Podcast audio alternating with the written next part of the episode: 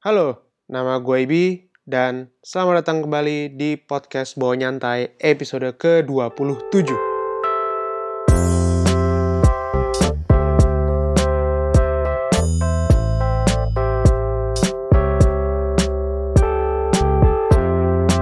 Ya, terima kasih kepada kalian semua yang sudah mendeng- mendengarkan podcast Bawa Nyantai dari awal sampai sekarang. Gue sudah hampir tiga, tiga minggu nggak ngepost episode podcast karena lumayan sibuk dengan podcast sebelah, yaitu podcast Tepak Bulu. Baru aja juga ngeluarin episode specials, interview bersama salah satu mantan pemain badminton Indonesia yang sekarang tinggal di USA, yaitu Mas Malik Basri. Bisa dicek di Spotify dan di platform yang lain. Dan kemungkinan besar minggu depan juga bisa naik ke YouTube. Karena gue cuma karena gue juga pengen bikin uh, apa ya close captionnya lah gitu. Sebelum kita masuk ke topik yang lumayan sensitif di episode hari ini, strong disclaimer, episode ini tidak akan menjelek-jelekan kedua pasangan calon presiden dan wakil presiden. Oke? Begitu juga dengan pihak-pihak yang lain lah gitu. Termasuk yang gue sebut nanti karena menurut gue itu testimoni dan gue berhak menyampaikan testimoni gue secara objektif begitu. Oke?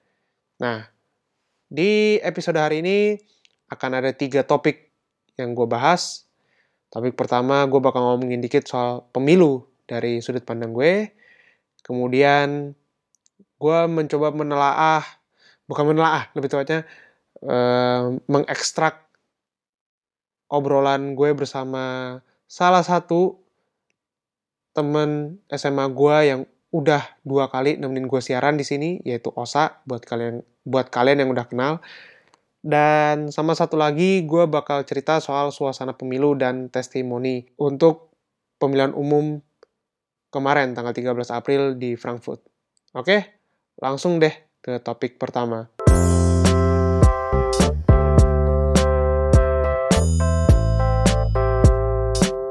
Ya, jadi um, dikit aja sih sebenarnya gue pengen ngomongin soal pemilu 2019 ini yang menurut gue bener-bener kayak the new era lah. Karena pemilu ini tuh bener-bener sosial media oriented bisa gue bilang. Dibanding lima tahun yang lalu meskipun emang dari sosial media juga cuman utilisasi media sosial di pemilu kali ini tuh bener-bener wah banget sih gitu ada aja orang kampanye lewat media sosial, ada media sosial dipakai buat ribut-ribut, ada juga media sosial dipakai buat edukasi juga untuk orang-orang yang masih agak setengah buta terhadap politik Indonesia, termasuk gue juga. Dan gue pikir ini benar-benar menjadi pemilu yang paling menarik. Campur aduk lah, nano-nano banget pokoknya. Ada baiknya, ada buruknya, ada asem, asin, pahitnya juga lah mantep sih. Karena mungkin juga bekas dari Pilkada Jakarta 2017 kemarin ya, yang sempat heboh banget. Pokoknya kalian tau lah beritanya kayak apa. Dan dari pemilu tahun ini pun juga bisa dibilang debatnya yang udah gue tonton, empat debat sih, karena debat terakhir udah nggak mungkin gue tonton secara gue udah milih tanggal 13 kemarin, sementara debatnya dimulai tanggal 13 jam malam waktu Jakarta.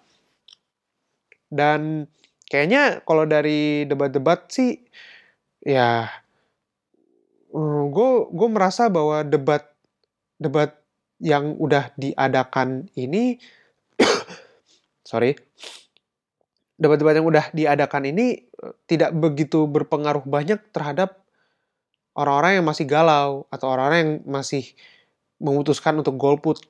Karena gue melihatnya ada tidak ada itikat dari kedua pasangan calon presiden dan wakil presiden ini untuk menarik simpati atau menarik suara dari swinger voter.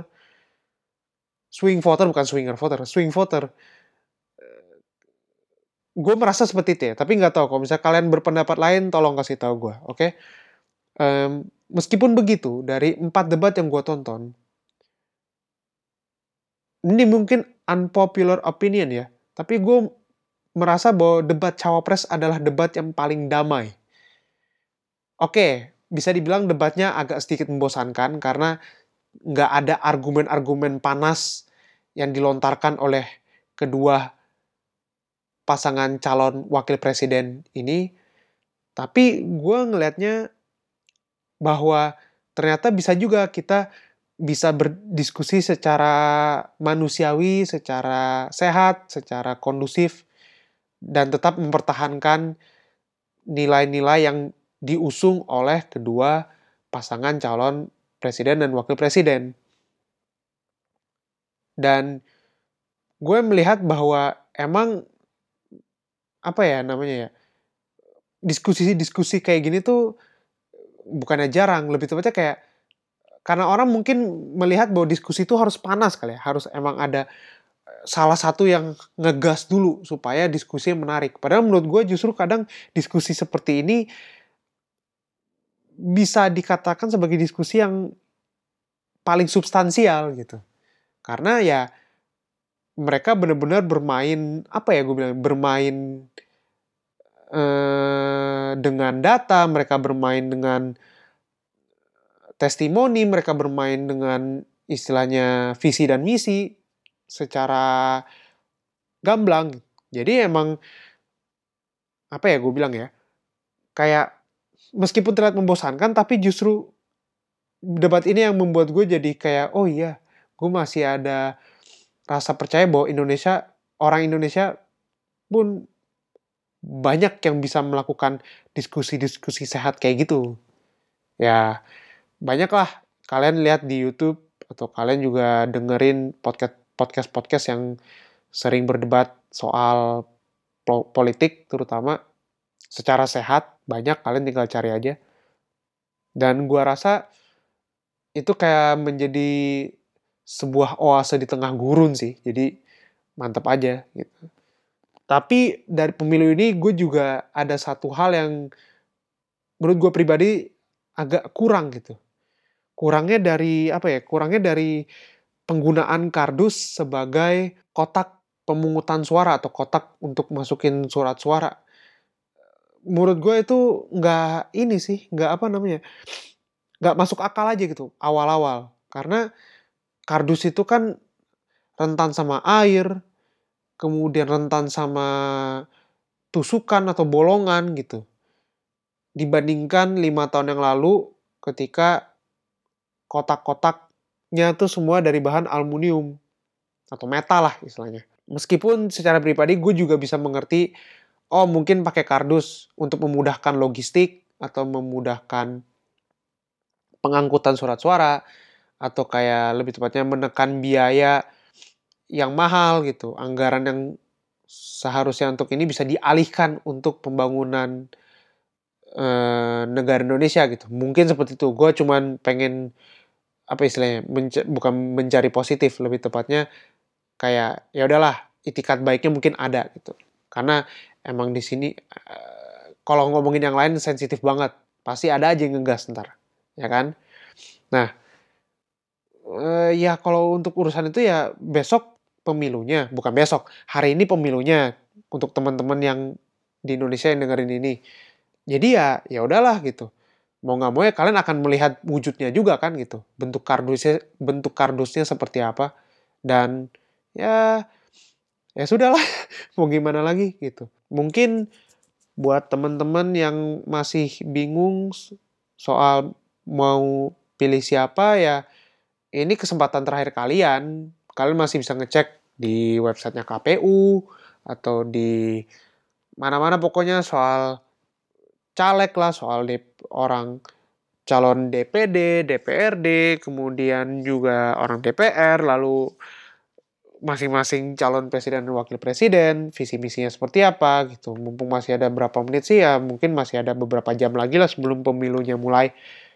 Jadi ya gue doakan semoga pemilu tahun ini di Indonesia berjalan kondusif, nggak ada yang perlu ribut-ribut atau sewot soal apa pun. Yang penting tolong diawasi dan juga berlaku jujur dan adil untuk pemilu kali ini supaya bangsa kita bisa semakin lebih maju untuk urusan ini. Amin. Ya udah, langsung masuk ke topik kedua.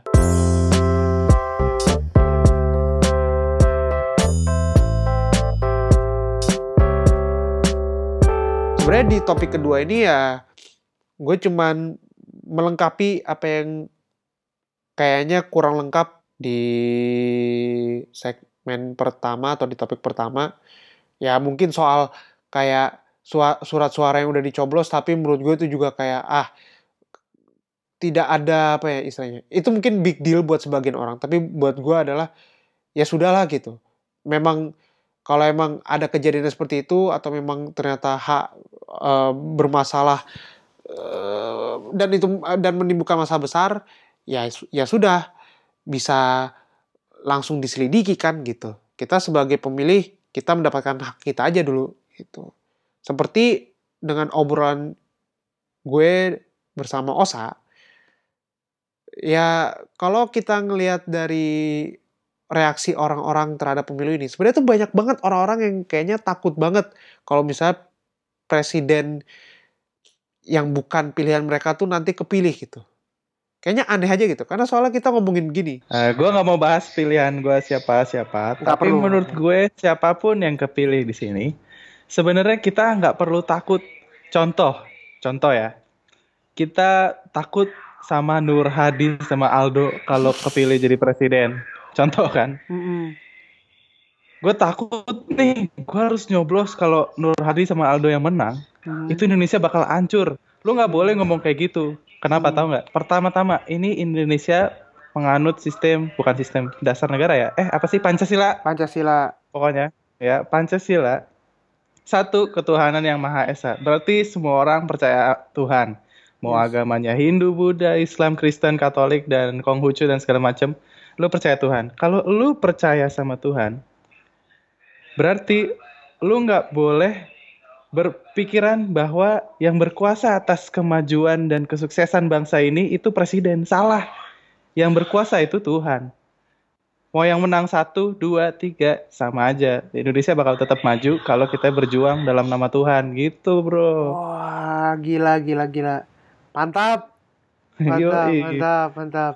Dan dari pemilu ini juga Osa menyadari bahwa ternyata tuh um, buzzer atau bukan buzzer lebih tepatnya kayak suara-suara orang koar-koar ini pun juga kadang ada hubungannya dengan tingkat bukan tingkat literasi, gue bilangnya kayak tingkat minat baca yang rendah. Nah, inilah ini ada hal yang unik juga. Hmm. Jadi orang-orang ini kan uh, kenapa mereka saling serang dan terlalu fanatik dalam satu hal. Kenapa? Karena ini dua kubu sama-sama nih penyakitnya. Hmm. Punya namanya buzzer ah, atau iya. inti dua-duanya punya buzzer. Ya, yang dilakukan buzzer ini adalah uh, menjelek-jelekan satu sama lain. Yes. Entah itu dibayar, entah itu nggak dibayar, intinya hmm. jelek-jelekan. Hmm. Nah, yang jadi masalah adalah Indonesia punya minat baca nomor dua paling rendah di dunia. Yes. Iya nggak? Ya kan sekali. lu pernah lihat artikelnya kan? Betul. Nah itulah yang bikin perpecahan ini awet banget. Susah rukunnya. Karena begitu buzzer nyampein hal yang jelek, dan itu biasanya hoax. Dan orang nggak langsung ngecek kebenarannya. Kan minat bacanya rendah. Iya. Alhasil percaya-percaya aja. Iya. Bentrok lah sama yang sebelah bro lu salah. Nggak begini. Yang benar tuh begini. Alah so tau lo orang begini gitu loh. Dan dari tingkat minat baca yang rendah itu ternyata berhubungan juga dengan politik adu domba. Kalau gampang diadu domba menurut gua uh, itu dari lahirnya udah gampang diadu domba. Anjir. Ya ya. Iya dong, sama Belanda politik adu domba itu berhasil banget loh. Oke. Nah dari situ aja si Osani sebel banget sama buzzer dari uh, kedua kubu capres dan cawapres ini. Ini mungkin pendapat dia. Uh, yang paling bikin gue sebel adalah uh, orang yang terlalu buzzer, terlalu fanatik di kedua di kedua kubu. Mhm. sama aja. Makanya gue paling males balas pemilu karena contoh nih, gue dukung Nur Hadi Aldo. Oke.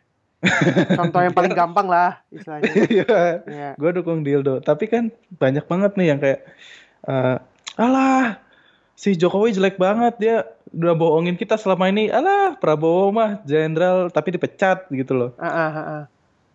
Ngejelek-jelekin gitu. Gue sebagai pendukung Dildo, gue ngerasa risih sama temen gue sendiri yang sama-sama ngedukung Dildo. Nah, dari debat-debat yang sudah dilaksanakan ini sebenarnya tuh ada satu hal yang miss atau satu hal yang hilang gitu. Dan apa hal yang hilang itu? Yang dibahas tuh harusnya gagasannya. Ya, orang tuh yang ngebahas justru kelemahannya. Kalau lu mau cari kelemahan, lu berada di tempat yang tepat. Berada di tempat yang tepat. Gimana tuh? Di dunia siapa yang sempurna? Oh, Nggak iya. ada. Gila. Sunday Wisdom by Osa Pratama. Asik. Gila gitu. Iya, kalau mau cari kelemahan, ini kita berada di tempat yang tepat. Sangat tepat. Ini Hmm. adalah ladang emas buat kita semua. Iya. Kalau mau tuh ya bahas gagasan, gagasan, dan gagasan. Iya. Prestasi gitu. Iya. Ya nggak? Nah, ini kan sebentar lagi pemilu istilahnya eh, euforia pemilu bakal selesai gitu ya. Alhamdulillah gitu. Nah, tapi dari euforia segede itu sampahnya banyak banget gitu. Terutama sampah bekas kampanye dari caleg maupun calon presiden dan wakil presiden. Kayak gini nih omong obrolan kita. Susah juga ya. Menurut gue itu nyampah. Tapi kan kita udah punya eh, apa istilahnya eh, pemerintah dan regulasi Mm-mm. dan peraturan juga. Ya, tapi dijalankan nggak menurut lo dengan Nggak. banyaknya? Nah, ya udah. Nggak Itu- dijalankan. Ya. Dan menurut lo Jadi dan menurut lo pertanyaan ini nih, pertanyaan masih seputar spanduk ya.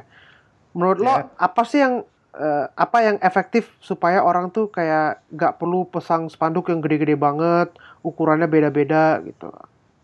Apa sih yang menurut lo enak? Jadi kayak orang tetap bisa kampanye, bisa masang spanduk tapi nggak berantakan gitu kelihatannya. yang pengen gue regulasiin itu mungkin ya. Nah, Gue bakal ngadain yang namanya eh, kayak semacam eh, kelas, bukan kelas sih. hmm, Eh, pokoknya penyampaian per- peraturan penertiban ke Kamtipmas Kamtipmas setempat ke lurah-lurah setempat kayak hmm, nggak perlu dari KPU yang beresin kayak gini. Hmm, hmm, dari lurah pun sebenarnya udah ngerti lah. Mm-mm. ini misalkan jalur hijau. Nggak Oke. boleh. Nggak boleh. ini sekolah nggak boleh gitu loh. Mhm, nggak perlu dari kita. Dari lo sendiri udah bisa. Nah gue hadir di sini mengingatkan lo semua lurah-lurah camat-camat yang ada di sini. Mhm. peraturan itu kayak gini loh gitu. Oke Iya, silakan silakan gitu. Ya nggak sih? Iya bener. Nah itu dia tadi eh, obrolan gue dengan Osa. Gue mau ngucapin terima kasih pada Osa sudah mau ngobrol sama gue meskipun obrolannya agak random. Dan tanpa berla tanpa berlu- berlama-lama kita langsung masuk ke topik ketiga.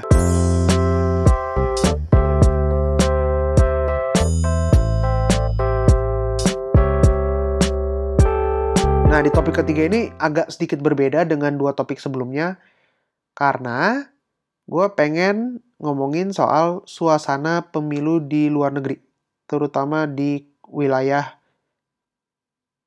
pemilihan gue di Frankfurt. Nah, di topik kali ini gue agak sedikit menyinggung soal testimoni gue terhadap pemilu yang berlangsung di sini, begitu juga dengan reportase gue dan apa ya namanya bisa dibilang kayak suasananya lah di sana gitu.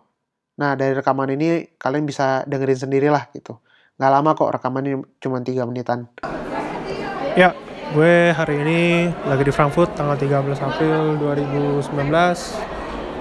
Nah ini gue sedang mencoba berusaha untuk bisa milih di pemilu tahun 2019 ini. Tapi seperti yang lu mungkin udah pernah ketahui waktu waktu di berita detik terutama kalau gue ternyata surat suara yang harusnya nyampe ke gue ternyata tidak sampai karena satu dan lain hal akhirnya gue datang gue mencoba untuk memberikan suara gue karena gue rasa gue gue udah masuk ke DPT tapi ujung-ujungnya gue juga baru bisa milih jam 5 ya nggak apa-apa sih tapi mungkin ini bisa dibilang jadi kayak semacam pembelajaran aja lah gitu karena mungkin ada suatu kesalahan teknis atau apa dari PPLN itu sendiri.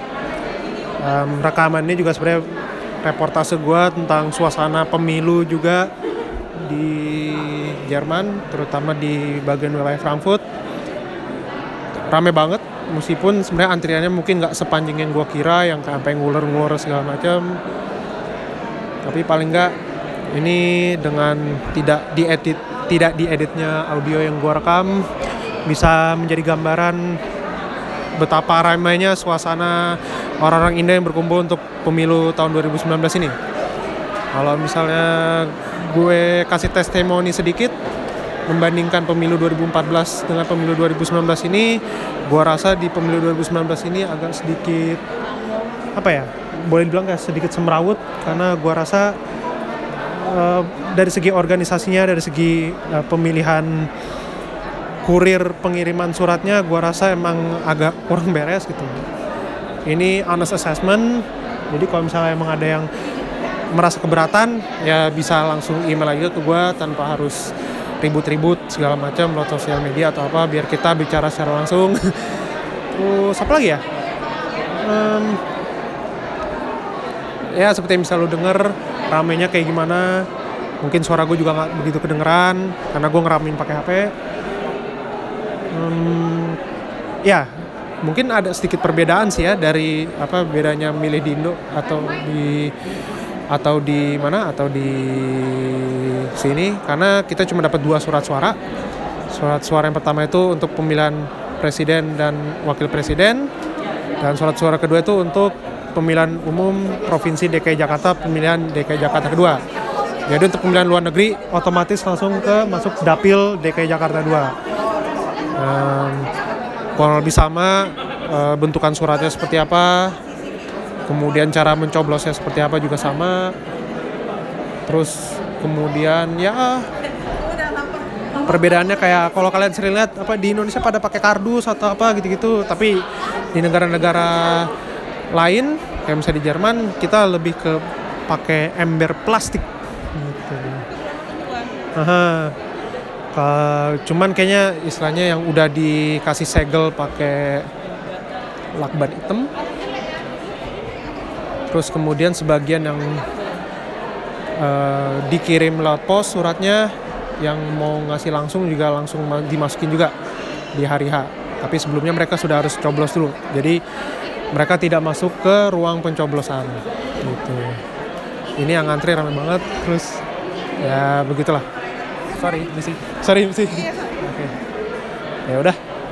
Mungkin itu aja reportase gue nah tadi kalian udah dengerin rekaman ya reportase dari gue jadi tuh sebenarnya kalau boleh gue cerita uh, mudah-mudahan informasi gue nggak salah. Kalau emang ada yang salah tolong uh, dikoreksi. Ya oke? Okay? oke. Okay. um, jadi begini. Sebenarnya menurut gue ini bisa dibilang agak sedikit lebih semrawut dibanding lima tahun yang lalu. Karena begini, kalau misalnya mau dirunut lagi kejadiannya dari awal, um, gue datang ke Frankfurt itu sebenarnya mm, nggak mm, ada niatan awalnya, gitu. Nggak ada niatannya kenapa? Jadi begini, um, gue ini awalnya mendaftar untuk milih langsung ke TPS LN atau tempat penghutang suara luar negeri di Frankfurt, ya kan? Nah, entah kenapa ketika gue email formnya itu ke pihak PPLN, form gue tuh so, form gue tuh nggak diterima sama mereka sehingga gue dianggap masuk ke dalam daftar pemilih tetap untuk pemilih lewat pos, ya kan? Pada waktu itu gue mikir, oh it's fine lah ya udah deh gue milih lewat pos jadinya. Nah, habis itu um, ternyata gue menjadi salah satu korban yang gak dapet surat suara dari PPLN Frankfurt. Artinya surat suara yang dikirim lewat pos ini gak nyampe ke gue. Dan istilahnya tuh kayak suratnya tuh hilang lah di tengah jalan. Nah, kok bisa gitu jadi ketika ketika itu kira-kira Hamin 3 atau Hamin 4 kemudian Hamin 4 sebelum pemilu dimulai gue ngemail ke PPLN Frankfurt soal kenapa gue belum dapat surat suara maupun surat C6 uh, in case ternyata gue jadinya masuk ke DPT untuk milih di sana gitu kan.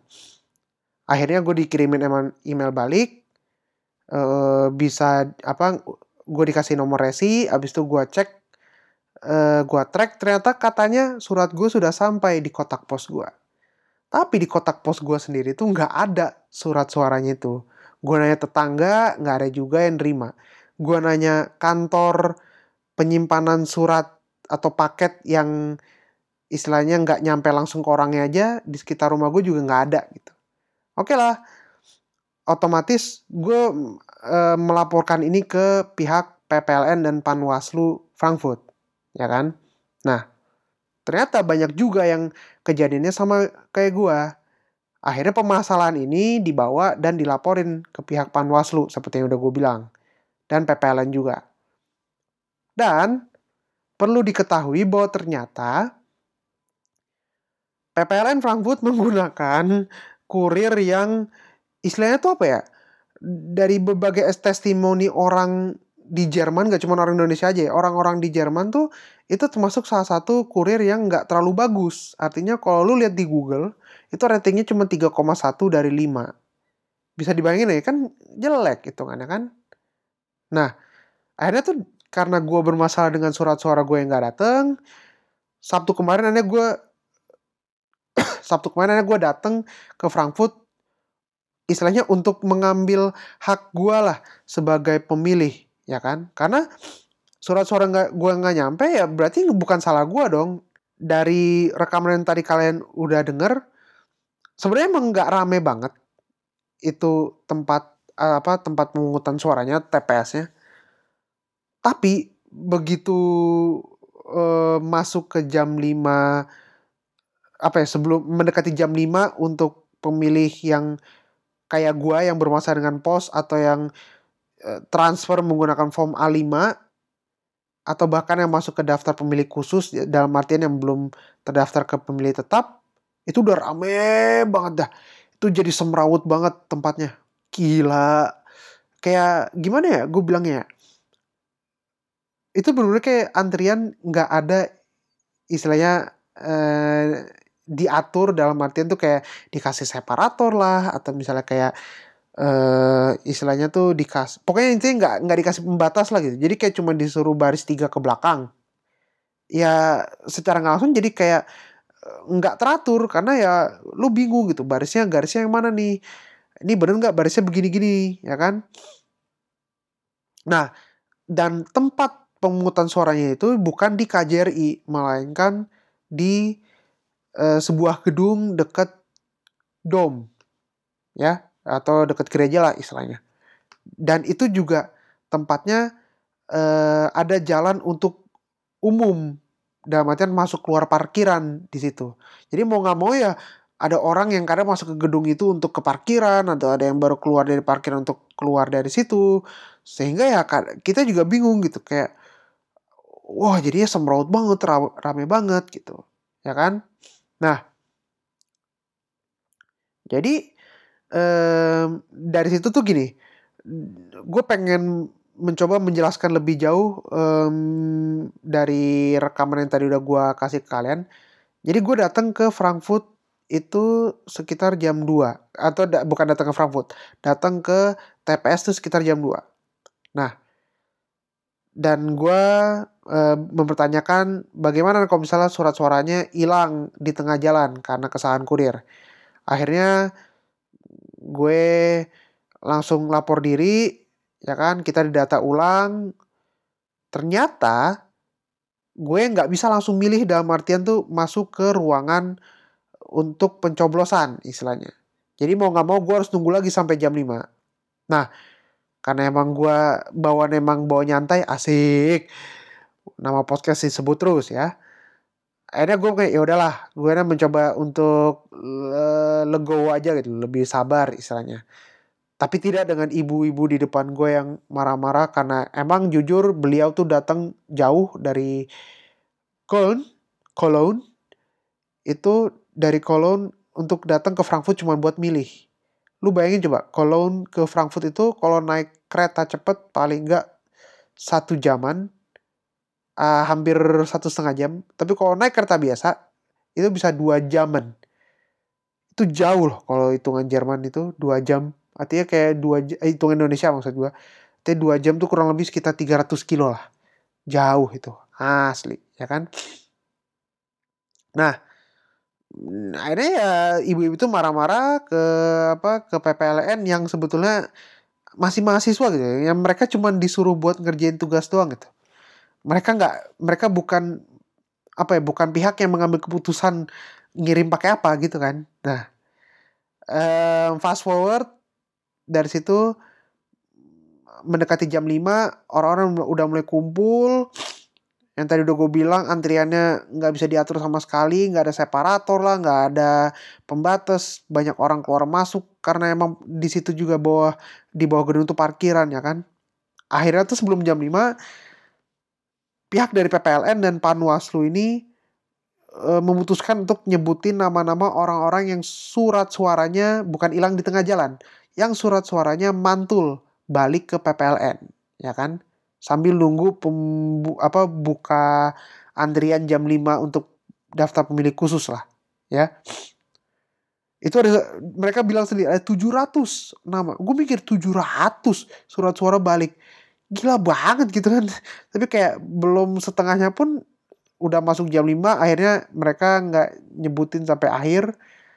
Dan jadinya jam 5 itu antrian dibuka awal-awalnya kayak semuanya dicampur gitu ya. Yang bermasalah dengan pos atau yang surat-suara yang mantul atau yang punya A5 ataupun C6 atau kayak daftar pemilu khusus hmm, semuanya antriannya disatuin ya kan. Tapi banyak orang yang protes, termasuk gue juga protes karena gue kan masuk DPT, sementara beberapa orang kan masuknya masih DPK. Ya harusnya diutamain DPT dulu dong, ya kan. Akhirnya setelah negosiasi PLN setuju untuk hmm, apa untuk mengutamakan orang yang masuk DPT dulu untuk milih ya kan? Nah gue yang ngantri lagi didata ulang lagi. Terus bayangan gue kan ketika udah didata ulang berarti tadinya lu masuk langsung ke ruangan tunggu untuk nanti gue milih ya kan? Ternyata enggak ini aneh karena setelah gue lapor diri gue langsung dikasih surat suara Surat suaranya dua. Yang tadi gue jelasin. Surat suara untuk pemilihan presiden dan wakil presiden sama surat suara untuk pemilihan DPR. Ya kan? Nah, gue dikasih amplopnya, gue dikasih surat-suaranya juga. Lu nanya dong kayak, kok lu gak masuk ruangan? Terus kok lu ini uh, udah langsung dikasih surat suaranya? Iya. Akhirnya gue uh, disuruh coblos di suatu pojokan di lantai itu. Jadi di pojokan tuh ada meja, ada paku, ya kan? Tapi nggak ada bilik untuk untuk apa ya? Untuk lo uh, punya privasi buat milih siapa atau siapa gitu. Jadi ya lo milih lo bisa ngeliat tuh orang milih siapa, milih siapa gitu. Serius. Begitu. Jadi kayak gue juga heran, kok begini ya? Kok bisa kacau banget gitu. Um, dan ketika gue tanya kok kita uh, malah nyoblosnya di pojokan? Gitu ya kan. Kenapa kita nggak masuk aja ke ruangan untuk nunggu terus sambil apa namanya sambil milih apa namanya gue bilang sambil milih yang benar-benar di sesuai sesuai prosedur gitu sambil milih eh, di balik bilik suara sambil lu juga kayak ditanya oleh peng, pengawas pemilu gitu Enggak begitu ternyata. Jadi kayak udah lu cuman lu cuman jalan ke pojokan, lu coblos di situ dengan paku yang udah disediain, habis itu lu balik lagi ke tempat lu lapor diri tadi buat masukin amplop yang berisikan surat suara pemilihan presiden dan wakil presiden sama DPR ke dalam satu amplop gede, terus lu masukin tuh amplop gede itu ke dalam ember. Ya kan? Nah, ember di sini ember yang kayak ember kotak yang bening cuman waktu itu ember kotaknya tuh kayak dikasih lakban berlapis-lapis supaya emang gak ada yang buka. Terus terus habis itu udah apa em, jadinya gue langsung masukin amplop selesai gitu. Dan gue nggak dapet tinta ungu di kelingking atau di jari-jari gue lah. Jadi ya begitulah eh pemilihan yang menurut gue aduh apa ya kok gue bilangnya Eh, kacau sih sebenarnya. Jujur aja gitu loh. Karena kacaunya tuh begini. Em, untuk bapak-bapak ibu-ibu eh, Panwasu dan PPLN Frankfurt sebelumnya ini testimoni saya. Jadi em, ini pendapat saya gitu. Dan mudah-mudahan kritik dan saran bisa apa ya bisa istilahnya itu bisa menjadi referensi untuk pemilu selanjutnya di 2024 gitu. Jadi gue gue merasa bahwa em, sebenarnya tidak ada masalah selama hak suara hak gue untuk mencoblos tuh masih bisa gue ambil gitu. gue masih memiliki hak itu. Tetapi gue rada kasihan dengan orang-orang yang harus datang jauh-jauh ke Frankfurt untuk bisa milih. Karena eh, follow up lagi kalau boleh eh, gue kasih tahu kemarin hari Senin dan hari ini Selasa di sini itu masih ada eh, apa namanya eh, kesempatan untuk nyoblos. Karena banyak banget su- ternyata surat-surat yang dari kurirnya itu mantul balik ke PPLN jadi orang-orang diminta datang untuk eh, pokoknya orang diminta datang ke KJRI untuk nyoblos lagi bukan lagi saya untuk nyoblos eh, yang suratnya mantul ke KJRI begitu. Nah em, testimoni gue sebenarnya begini adalah bahwa ternyata cuman gara-gara salah kurir atau cuman gara-gara lo menggunakan kurir yang gak reliable itu bisa bikin pemilu tuh jadi kacau banget. Karena kalau gue boleh kalau gue boleh bandingin pemilu tahun ini dengan pemilu lima tahun yang lalu yang gue juga milih di Frankfurt tapi di KJRI pemilu pemilu lima tahun yang lalu tuh bener-bener kayak kondusif banget gitu. Emang antriannya panjang banget karena antriannya cuma satu apa ya satu garis gitulah satu baris gitulah. Tapi rapi. Tapi em, apa namanya permasalahan kayak surat nyasar atau kayak surat hilang di tengah jalan ini nggak ada hampir tidak ada sama sekali sepengetahuan gua gitu ya. Gue pikir malah justru pemilu 2019 ini penurunan terutama pemilu di luar negeri gitu. Dan gue juga tidak akan menyangka bahwa ternyata akan sesemrawut itu pemilunya gitu. Dan apa ya dan gue merasa bahwa ini absurd banget sih apa namanya pemilu kali ini pemilu di Frankfurt maksud gue ya. Karena gue tidak akan menyangka akan eh, mengalami surat suara nyasar abis itu kemudian disuruh nunggu jam 5 terus eh, nyoblos di pojokan ruangan bukan nyoblos di ruangan pencoblosan yang eh, ada biliknya gitu. Terus juga bahkan orang-orang yang surat suaranya balik mau mau mesti datang lagi kemarin dan hari Selasa ini.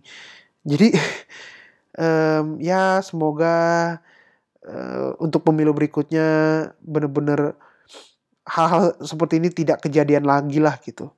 Dan terutama buat teman-teman yang eh, sudah mendengarkan podcast Bawa Nyantai ini untuk episode hari ini semoga teman-teman yang hari ini nyoblos semoga pilihan kalian atau semoga pilihan kita yang menurut kalian baik dan benar itu bisa membawa Indonesia menjadi negara yang lebih baik lagi.